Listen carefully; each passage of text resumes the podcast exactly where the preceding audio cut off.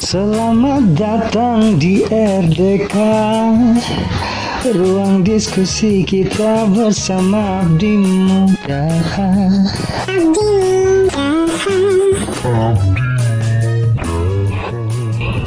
Oke, selamat malam Sobat Abdi Muda. Kita jumpa lagi di acara kesayangan kita semua RDK, ruang diskusi kita.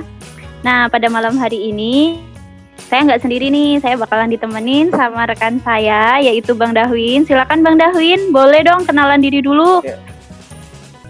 Halo teman-teman, perkenalkan nama saya Dahwin. Saya merupakan ASN dari Kementerian PUPR malam ini akan menemani Mici sebagai host di RDK dan malam ini juga kita akan kedatangan dua orang narasumber yang akan menjelaskan tentang sistem SIP uh, kerja di ASN. Mungkin boleh pada kedua narasumber mungkin boleh memperkenalkan diri dulu. Oke, boleh-boleh tuh. Silakan nih narasumbernya mau siapa dulu nih yang bakalan kenalan? Oke, okay, ladies first. Mbak Amel dulu ya Oke. Okay. Oh, boleh, boleh. Silakan.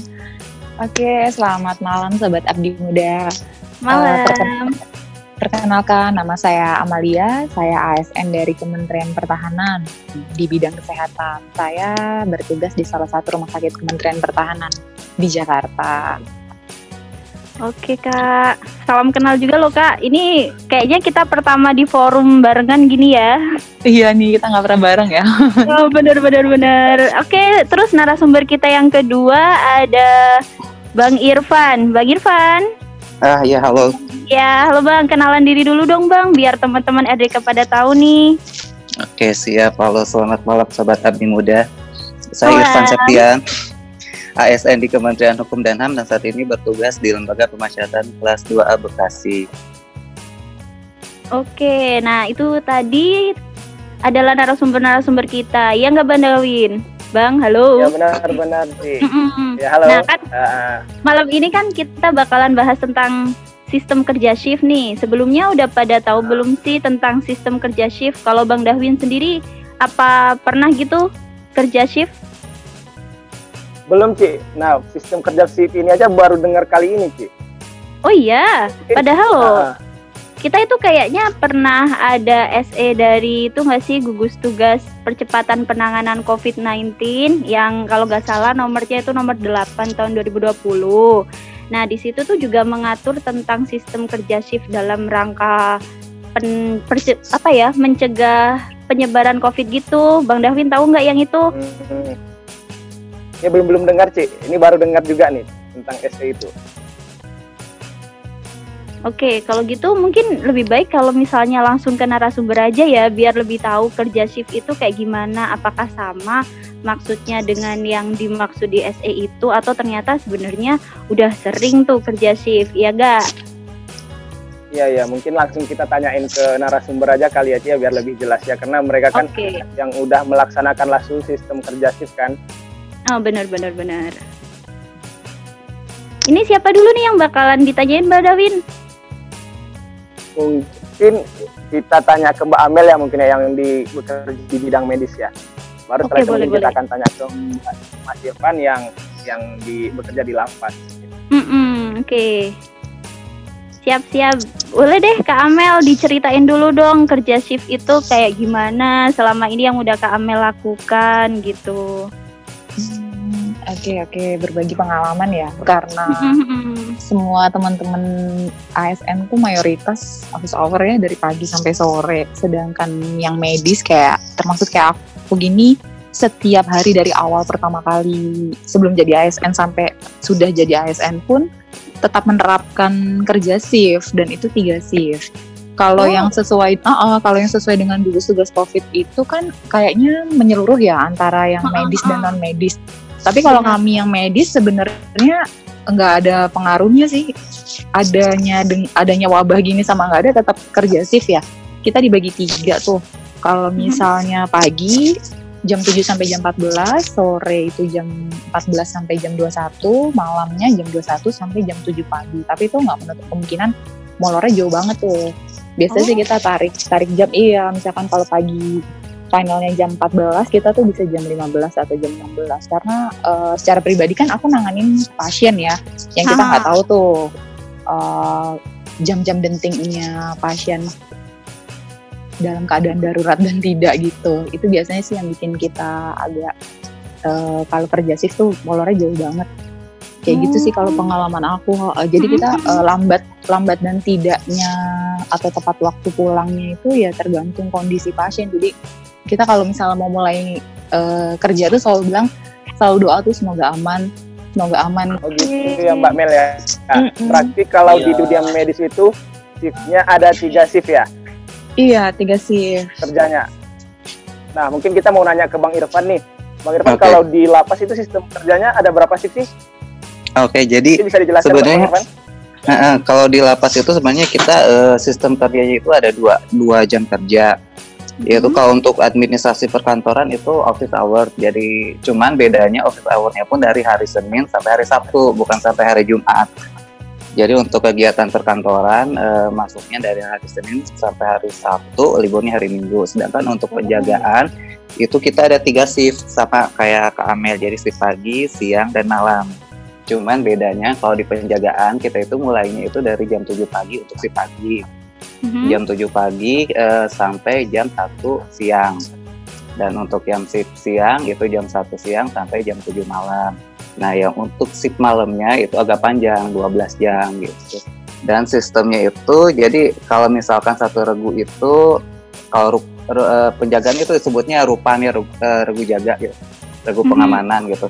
Jadi dia itu masuk shift pagi dari jam 7 sampai jam 3. Jam 3 itu pulang Nah nanti malamnya itu dia langsung masuk lagi di hari yang sama gitu jam 7 malam gitu. pulang lagi oh.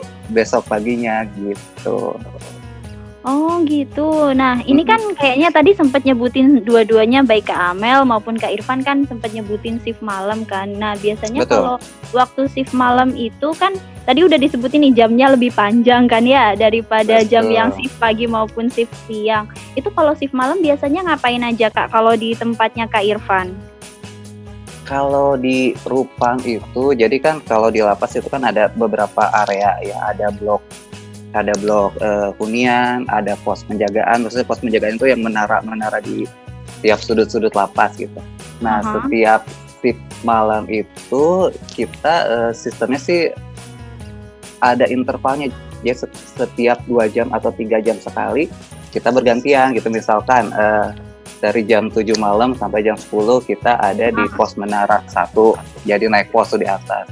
Aha. nanti setelah tiga jam itu ada apusan jadi diganti di rolling apusan itu ganti ganti ganti jaga ganti personil gitu.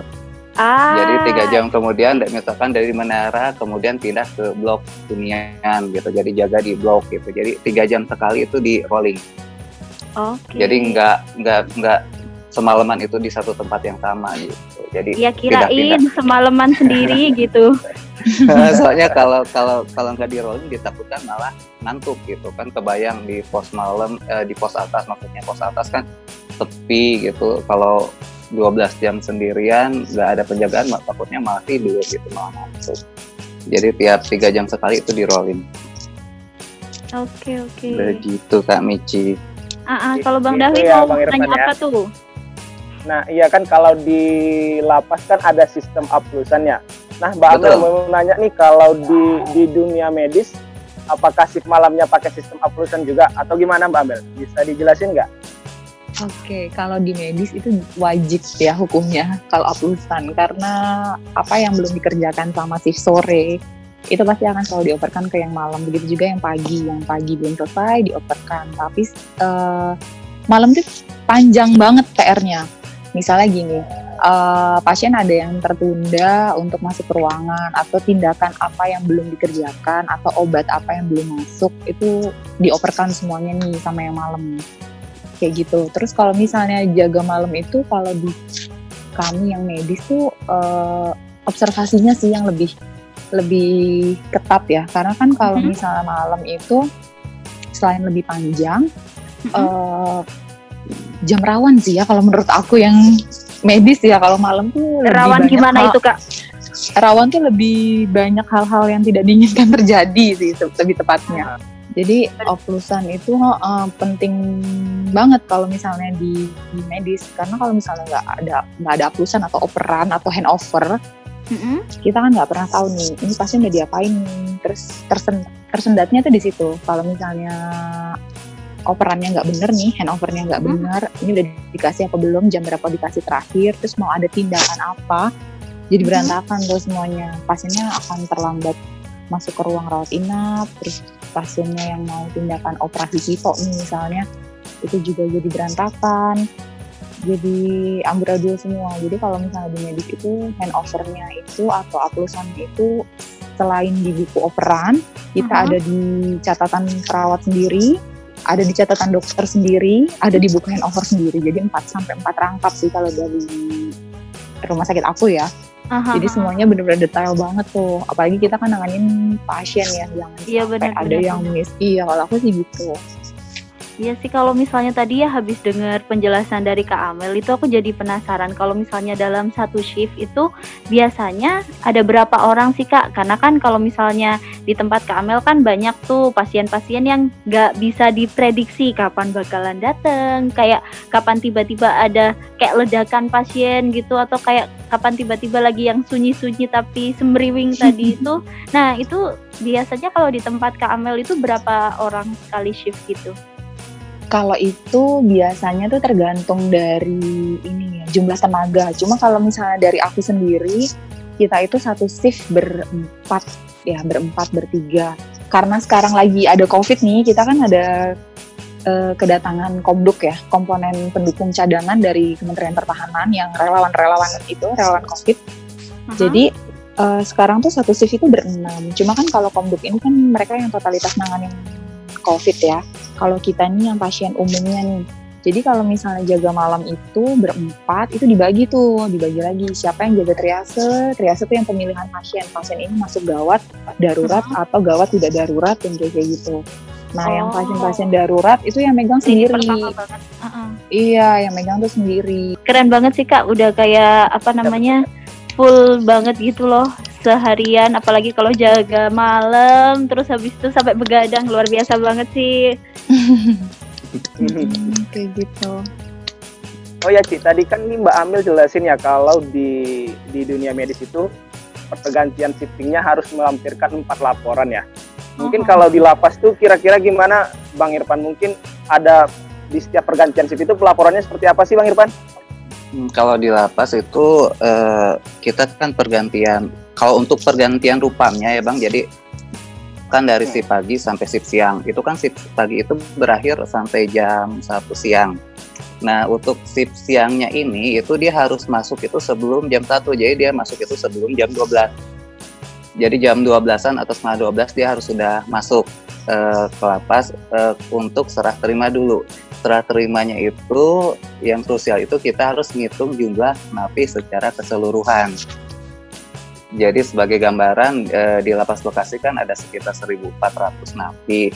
Wow. Jadi setiap pergantian shift itu dari pagi ke siang itu harus dihitung dulu benar nggak sih ada 1.400 gitu.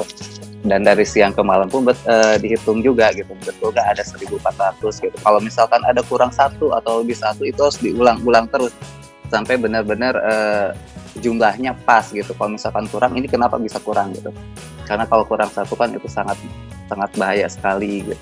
Nah, sedangkan untuk uh, di rupanya sendiri, misalkan uh, sesudah ganti sip dari sip pagi ke sip siang, di dalam sip siangnya pun itu sendiri ada uh, istilahnya ada rolling rolling tempat jaga. Misalkan jam pertama atau tiga jam pertama kita kebagian di pos menara atas. Nah di pos menara atas pun ketika pergantian istilah pergantian petugas itu ada serah terimanya. Yang pertama itu kita harus cek uh, kelengkapan senjata kemudian uh, jumlah peluru uh, jumlah peluru itu harus sama nggak boleh kurang jadi kalau misalkan ada bukunya nih misalkan dari sebelumnya ada sembilan ya ketika mm-hmm. diserahkan pun harus ada sembilan lagi gitu kemudian peralatan lainnya kayak HT dan buku-buku semuanya harus komplit itu baru itu mulai bisa bertugas gitu. Di blok pun sama gitu. Ketika di blok penjagaan ada ada ini ada keterangan. Jadi kamar ini isinya berapa orang kamar ini isinya berapa orang. Dan setiap kalau di blok tahanan itu setiap satu jam sekali itu petugasnya harus kontrol. Harus meriksa ke kamar-kamar gitu. Dan itu di harus wajib ditulis di buku posnya gitu. Jadi setiap ada kejadian itu wajib dilaporkan ke ketua rupam atau kepada karupam dan juga ditulis di buku posnya seperti itu. Oke, berarti kan kalau gitu misalnya ya, kayak gitu harus bener-bener teliti dong kak. Kalau misalnya nih kayak aku orangnya kadang agak teledor tuh. Terus kalau aku salah gitu berarti harus gitu berkali-kali banget dong. Iya, jadi gini kalau misalkan si pagi ke si siang nih, uh, kita misalkan datanya napi itu saat itu ada 1400. Tapi ketika dihitung misalkan ada 1399 kurang satu nih ya, itu si pagi nggak akan bisa pulang sebelum uh, satu itu uh, ketemu gitu. Dan shift siang pun belum belum bisa mulai kerja sebelum itu clock gitu. Jadi kalau misalkan tetap kurang itu semua rupam ya harus turun semua gitu kamarnya satu-satu. Gitu. Wah, berarti kalau nah, gitu itu jamnya pernah kejadian nggak kak di lapas Bekasi kak? Pernah, uh, tapi uh, itu sih karena dulu pernah. Jadi dulu malah uh, beberapa bulan eh enggak beberapa bulan sih beberapa hari kemarin itu malah pernah ada komplain juga dari pengunjung dari pengunjung lapas gitu kan. Di lapas itu ada jam kunjungan untuk menitipkan makanan dari keluarga ke napi di dalam. Karena berhubung pandemi kan kita belum bisa ketemu langsung. Jadi hmm. pelayanannya yang dibolehkan hanya menitipkan makanan gitu. Dan itu jam operasionalnya itu dari jam 9 sampai jam 12 kemudian mulai dibuka lagi jam 1 sampai jam 3 nah jam 1 sampai jam 3 itu tanggung jawabnya shift siang. Sedangkan hari itu ketika serah terima ada selisih. Jadi uh, ketika dicek-cek ternyata ada kesalahan ad, uh, administrasi ada, ada orang pindah kamar tapi ternyata nggak kecatat gitu dan itu si pelayanannya itu sampai molor sampai jam 2 baru dia bisa ini dia bisa melakukan pelayan karena shift siang kan belum bisa kerja sebelum serah terimanya beres gitu. Secara pengalaman pribadi nih ya, paling lama itu biasanya waktu kerjanya mundur sampai berapa jam sih Kak? Kan kalau misalnya normal kan disebutinya kita 8 jam gitu lah ya. Nah, kalau misalnya nih pada saat-saat apalagi kayak sekarang pada saat-saat pandemi gitu kan pasti bakalan semuanya serba gak terduga. Kalau di tempat Kak Amel itu Kak Amel pengalamannya itu pernah sampai molor berapa jam dan berapa lama gitu Kak? Kalau di aku molornya itu bisa sampai 3 jam ya, 3 jam 4 jam. Pernah ngalamin pas jaga sore tuh yang harusnya sudah selesai nih kita udah selesai operan sudah selesai handover jam setengah sepuluh tiba-tiba pasiennya ada yang henti napas henti jantung. Kita nggak mungkin nggak mungkin banget sih selama ini ya selama aku berdinas sebagai petugas kesehatan tuh teman-teman yang shift sebelumnya walaupun sudah masuknya tanggung jawab sore eh tanggung jawabnya malam mm-hmm. nggak mungkin pada pulang sih. Pasti langsung bantuin tuh si pasien ini nih udah henti napas henti jantung. Aduh repot banget tuh. Melakukan yeah. pertolongan pertama. Iya terus udah kayak gitu kan uh, kalau masalahnya di jantung mungkin ada pasien yang langsung plus langsung meninggal. Ada juga yang enggak. Yang kalau enggak ini yang uh, ekstra banget nih kita gimana caranya uh, kegawat daruratnya ini teratasi sampai pasiennya ini bisa tertolong dan itu bisa sejam lebih. Dan itu uh, itu baru tindakannya ya belum implementasinya atau penulisannya.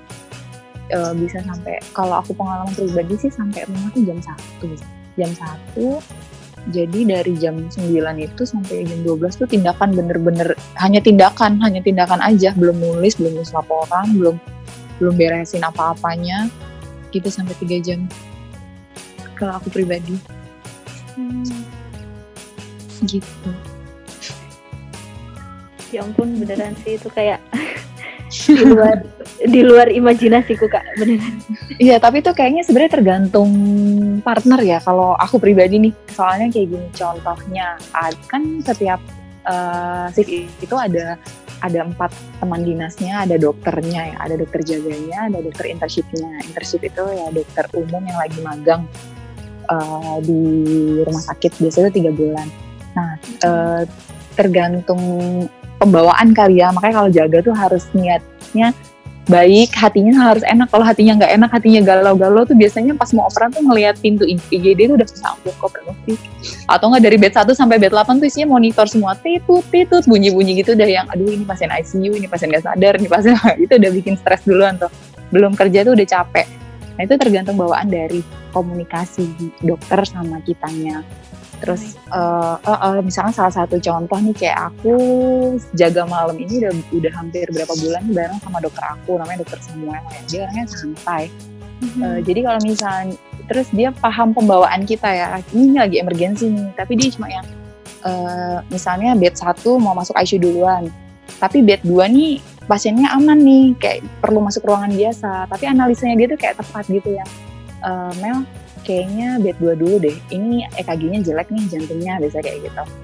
Kayaknya utamain ini dulu deh. Jadi tergantung pembawaan temennya masing-masing. Jadi kalau misalnya kita gerabak-gerubuk, biasanya dia sih yang nenangin kita-kita nih di ruangan. Uh, santai aja, yang penting benar tepat waktu. Ini dulu ya diselesain gitu. Terus temennya juga biasanya pengertian nih, uh, kak karena kebetulan aku penanggung jawab tim ya biasanya dia yang Kak Amel handle di sini aja pantau apa yang kurang kita yang jalan biasa gitu. Kalau aku yang tolong dong itu kayaknya oksigennya kurang.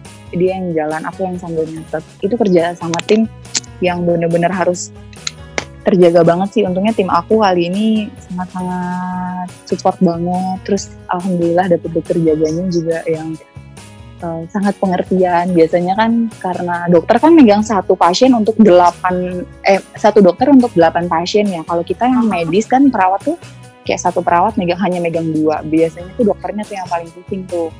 Cuma untungnya uh, uh, karena kebetulan timnya tuh bareng dokter Samuel jadi di, karena dia orangnya sabar gitu jadi ini sih ya aku nggak apa-apa ya nyebut nama personal nih iya dia kayak yang uh, ini tolong ini dulu ini tolong ini dulu gitu bahasanya kamus jadi kalau kerja tim itu apalagi di medis yang nguras tenaga dan emosi emang komunikasi itu sama uh, komunikasi dan pencatatan tuh yang diutamain banget. Apalagi kita nyawa orang ya yang di yang ditangani. Jadi benar-benar harus yang sabar harus yang kalau ada yang salah ditanyanya baik-baik. Kadang tuh kalau misalnya udah sampai rumah nih udah capek banget ya. Hmm. mesti ditelepon kok ini belum ya? Tadi operannya ini udah. Terus nanti kan ngomong kayaknya udah deh udah dicatat yang masukin si A. Ntar ditanya si A oh si A nggak masukin nih. Nah kayak gitu-gitu tuh yang sering miss Oh, Jadi iya, bisa sampai rumah tuh beneran gak tidur gitu. Belum lagi ntar ada kronologis. PR, Iya,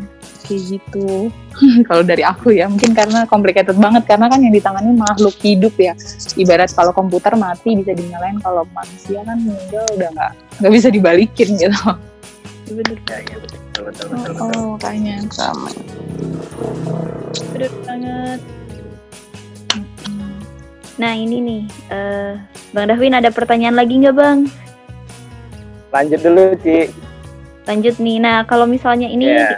bagi dua-duanya sih ya, terutama ke Kak Irfan nih, kalau misalnya tadi kan ada banyak ruangan yang harus dijaga gitu kan, terus tiap tiga jam sekali juga ada kayak apa namanya ganti-ganti tempatnya gitu, terus juga apa ya kayak jaganya sampai hari Sabtu, terus kalau istirahatnya kakak gimana dong? Untuk istirahatnya selama dengan pekerjaan shift yang sepadat itu? Siapa dulu nih? Kak Irfan. Oke, kalau di lapas itu untuk uh, untuk shift pagi sama shift siang itu nggak ada jam istirahat. Jadi sebelum kerja kita harus benar-benar udah sarapan, udah makan gitu. Karena kan kita kerja hanya enam jam nih untuk shift pagi itu. Uh-huh. Jadi nggak ada jam istirahatnya gitu. Berarti langsung Jadi 12 gitu? Iya, uh, langsung bablas itu nggak ada jam istirahatnya. Paling uh, kita sih biasanya suka saku-saku makanan ringan sih kayak coklat atau apa gitu. Jadi kalau misalkan uh, sedikit lapar ada ada yang bisa bisa ganjel gitu. Kalau shift malam itu kan karena 12 jam nih itu kita biasanya istirahatnya itu gantian tapi bukan dalam arti istirahat yang benar-benar istirahat gitu. Jadi misalkan ketika di dalam blok kan kalau dalam blok itu jaganya itu minimal uh, dua orang dua hmm. orang uh, di satu blok itu gitu. Nah jadi kita, kita biasanya bisa gantian nih sama rekan kita ini. Jadi misalkan ih uh, gue makan dulu ya yang jaga gitu. Jadi gantian kayak begitu gitu. Jadi bukan benar-benar yang istirahat satu jam ninggalin lapas gitu buat cari makan di luar, enggak, enggak kayak gitu gitu. Jadi sebelumnya memang harus sudah dipersiapkan gitu. Kalau di malam kita udah bakal makanan atau bakal apa gitu. Jadi nanti ketika di jam kerja kita nggak ke mana-mana lagi kayak gitu. Oh iya, iya sih ya bener-bener. Kayak apa ya? Jadi nggak bisa yang bener-bener santainya itu kayak nyanyi-nyanyi dulu, dengerin musik, makan-makan. kalau kalau dengerin kalau dengerin musik sih kadang-kadang kalau malam kita suka bawa radio juga sih, soalnya kan uh, itu di blok kan sunyi sepi, apalagi di menara juga sunyi sepi sekali gitu. Jadi kadang kita bawa radio sih uh, di HP dengan musik, tapi dengan volume yang yang ini yang yang kecil gitu, jangan sampai ada bisa mengalihkan takut ada suara-suara lain Tuh, kalau yang Kak itu apa namanya Kak Amel sendiri istirahatnya gimana Kak? Kalau di aku ya, karena sekarang kita lagi pandemi, kan kita semuanya kerja tuh pakai uh, hazmat ya. Itu sebenarnya hmm. soalnya kan kalau kita mau minum pun mau makan tuh kita mesti turun dulu ke infeksius, kita desinfek uh, sterilin badan, ganti baju, mandi, mandi terus makan. Kalau cuma buat kayak gitu aja menurut aku sayang banget waktunya. Jadi biasanya tuh kita pakai bener-bener cuma buat sholat. Jadi pas sampai sholat apa sudah sholat itu bisa minum tuh sebanyak banyaknya terus juga makanya kadang PR banget kalau mau buang air kecil kan harus lepas mat dulu nah, nah, nah, nah, itu jadi istirahatnya bener-bener pas aplusan pada saat kita mau berangkat kerja kita harus ya udah isi perut udah udah makan udah minum udah isi tenaga kerja bener-bener sampai selesai. Selesai baru uh, sterilin badan kan mandi dan lain-lain. Baru deh istirahat. Nggak ada yang bisa tiba-tiba tengah jalan terus istirahat tuh enggak sih. Karena kita ya itu ya karena pandemi lagi pandemi gini. Apalagi rumah sakit aku jadi rumah sakit pusat rujukan covid. Jadi kayak nggak bukan nggak ada istirahat. Dibolehkan istirahat. Cuma kita kan nggak mungkin kan copot hazmat yang segitu tebelnya N95 yes, itu iya, agak ribet juga sih. iya terus mandi terus balik lagi terus ya kayak gitu tuh. Itu memakan waktu banget daripada buat uh, bolak balik kamar mandi. Uh, uh, mendingan kayak ngerjain pasien gitu. Jadi yes. Iya. biar operannya cepet operannya santai yang sore juga bisa operan cepet. Kayak gitu jadi jarang sih jarang tiba-tiba tengah jalan istirahat.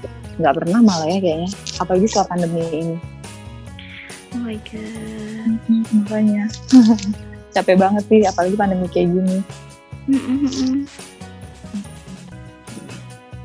Nah Mbak Amel dan Bang Irfan mungkin ini mau nanya nih. Kan Mbak Amel dan Bang Irfan udah melakukan langsung ya kerjaan shift ini ya. Nah kalau menurut Bang Irfan dan Mbak Amel sendiri kira-kira apa sih kelebihan dan kekurangan daripada kerja shift-shiftan ini dibandingkan dengan bekerja office hour? Mungkin bisa dimulai dari Bang Irfan dulu mungkin Bang. Kalau untuk Halo Bang Irfan. Iya, halo halo. Kalau nah. untuk kelebihan dan kekurangannya mungkin juga disesuaikan dengan ke pelayanan terkaitnya mungkin ya. Kalau kayak kan kayak di kesehatan kalau uh, kayak di kesehatan dan di pengamanan kayak lapas kan uh, kita nggak mungkin satu shift ya harus harus dibagi uh, sampai 24 jam itu harus tetap ada yang jaga gitu. Karena pelayanan nggak mungkin dihentikan gitu. Tapi kalau untuk untuk uh, yang pekerjaan administrasi uh, mungkin juga baiknya saat ini juga di shift karena untuk menghindari perkumpulan orang yang istilahnya untuk menghindari pandemi jadi satu ruangan itu tidak terlalu full banyak orang gitu. Jadi mungkin di shift lebih baik daripada harus masuk semuanya. Hmm. Oke, kalau Mbak Amel sendiri kalau kalau di aku kayaknya keuntungannya beda ya uh, karena mungkin yang lain biasa off hour terus karena aku biasanya shift itu lebih menguntungkan ke jam istirahat kali ya. Karena gini uh, kita kerja itu pagi-pagi sore-sore malam-malam gitu. Jadi misalnya hari Senin pagi hari Selasa pasti pagi. Terus hari Rabunya sore. Nah dari hari Selasa ke hari Rabu panjang tuh. Pulang kan misalnya jam 15 jam 15 bisa istirahat sampai besoknya ketemu hari Rabu hari Rabunya itu masuknya kan jam 14 jadi paginya masih free kayak gitu. Jadi pagi-pagi, sore-sore, nah dari sore sore hari keempat ke besoknya lagi itu kan malam. Jadi dari sore pulang malam uh, di hari Jumatnya itu jaga malam. Jadi dari Jumat pagi sampai sore itu free, malamnya dinas. Lebih ke waktu istirahat sih. Terus juga biasanya kan keperluan-keperluan secara apa ya kayak misalnya kalau aku pribadi kayak aku punya keperluan mesti ke rumah sakit atau aku mesti ke bank atau apa itu kan biasanya di jam-jam dinas tuh jam-jam hari Senin sampai Jumat menguntungkan menurut aku sih kalau kerja shift jadi kalau misalnya aku butuh hari Rabu eh, pagi-pagi mau ke bank nih misalnya atau pagi-pagi mau mm-hmm. ke kelurahan atau mana ngurus surat-surat itu kan aku bisa tuker jaga tuh. Misalnya aku jaga pagi sedangkan paginya aku butuh. Aku bisa tuker sama teman aku yang sore atau enggak aku bisa tuker sama teman aku yang malam. Enaknya kerja sih gitu terus okay. liburnya mm -mm, liburnya nggak mesti sabtu minggu. Liburnya bisa hari dinas terus oh. karena mm, iya jadi kan kalau kita kan ada hitungannya nih pagi pagi sore sore malam malam lepas libur. Ah, pagi pagi sore sore. Ah, terus kalau misalnya yang yang apa namanya yang kerja office hour itu kan totalnya ya udah Sabtu Minggu gitu kan. Jadi bisa pergi mungkin Jumat sore Sabtu Minggu. Nah kalau kita tuh kalau misalnya kita punya kebutuhan uh, mendesak pada saat lepas libur kita bisa nambah lepas libur libur. Nah itu minta jaga teman. Jadi temennya double shift. Jadi temennya kerja pagi dan sore shift pagi dan shift sore. Biasanya gantian gitu. Enaknya sih gitu. Lebih iya, ke iya. Oke, keren banget sih sebenarnya pembahasan kita pada malam hari ini. Terus habis itu, nah ini ya, kan benar, tadi udah cerita ini pengalaman dari Kak Amel, ya kan Bang ya pengalaman dari Kak iya. Amel, ya. dari Kak Irfan juga, gimana rasanya kerja shift. Terus habis itu gimana suka dukanya, plus minusnya, terus kayak apa aja yang ada di dalam kerja shift. Nah kan tadi di awal opening tadi kan udah sempet aku sempet nyebutin kalau nggak salah uh, yang surat edaran dari gugus tugas COVID itu loh yang nomor 8 tahun 2020 yang tentang pengaturan jam kerja pada adaptasi kebiasaan baru nih menuju masyarakat produktif aman dan dari COVID intinya kayak gitulah di wilayah Jabodetabek yang itu intinya kan buat semua orang lah in, bukan hanya ASN tapi juga di BUMN dan lain sebagainya. Nah kalau misalnya nih ini sebagai apa ya kayak pendapat dari kakak-kakak narasumber aja sebelum kita ke acara eh, sebelum kita menutup acara ini yaitu pendapat kakak sendiri terkait dengan surat edaran tersebut kayak gimana? Selama ini kan udah ada pengalaman di kerja shift nih. Kalau misalnya dari kak Irfan sendiri gimana kak? Uh, kalau dari saya sih istilahnya kita sebagai ASN kan salah satu fungsi ASN itu kan uh, melaksanakan kebijakan pemerintah. Jadi itu pemerintah pun kan mengeluarkan keputusan pun nggak istilahnya nggak serta merta langsung pasti ada risetnya gitu. Jadi mungkin itu yang terbaik sih saat ini di SIP seperti itu. Jadi supaya menghindari eh, perkumpulan di jam rawan baik itu kan rata-rata ASN juga mungkin pakai transportasi masa juga ya. Jadi supaya tidak menumpuk di KRL, kita pecah jadi dua shift gitu. Itu kayaknya hal yang tepat untuk uh, sebagai pencegahan penyebaran pandemi sih. Oke, kalau dari Kak Amel sendiri gimana Kak? Oh kalau aku setuju banget ya, soalnya uh, mengurangi OTG OTG orang hmm. tanpa gejala nih. Soalnya yang aku lihat uh, kebanyakan beberapa satu bulan terakhir ini nih banyak banget orang tanpa gejala gitu. Ternyata pas dilihat mereka nggak patuh nih sama peraturan pemerintah.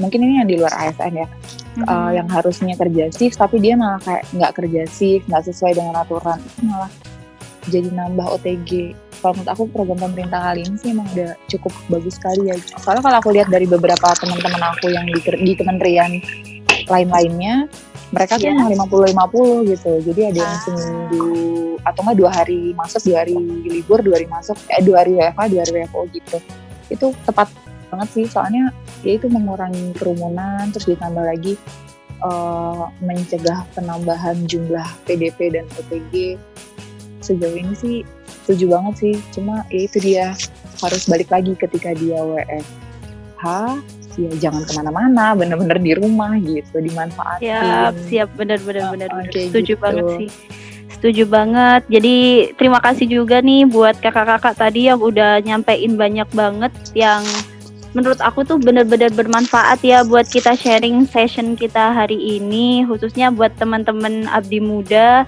yang udah dengerin RDK dari awal sampai akhir gitu kan. Jadi kayak emang sih dengan adanya peraturan yang seperti ini memang tujuannya untuk mencegah persebaran COVID, apalagi yang sudah punya pengalaman di sistem kerja shift ini tuh kayak ngerasa ya emang kalau bisa untuk dicegah dan dihindari, kita bisa melakukan itu bersama-sama gitu. Makasih banget ya Kak Irfan sama Kak Amel, seru banget Sama-sama, nih diskusi kita Ya, malam hari ini. Nah, untuk teman-teman semua dan juga sobat Abdi Muda, tetap pantengin kita di RDK selanjutnya dan juga jangan lupa lihat di semua sosial media kita biar terinfo terus dan tahu apa aja update-updatean terbaru dari Abdi Muda. penjelasan yang sangat rinci ya dari Mbak Amel dan Kak Irfan tentang uh, bekerja sifan dan protokol uh, bekerja di era new normal ini. Mungkin mungkin kita bisa uh, menjadikan pelajaran apa yang mereka sampaikan mungkin. Itu kali Ki. Iya, oke oke. Sip. Makasih banyak ya, Kak. Buat Kamel, Kak Irfan, Kak Darwin. Sama-sama, kami sih. Ya, oke. Stay tune ya teman-teman semua. Sampai jumpa di RDK selanjutnya.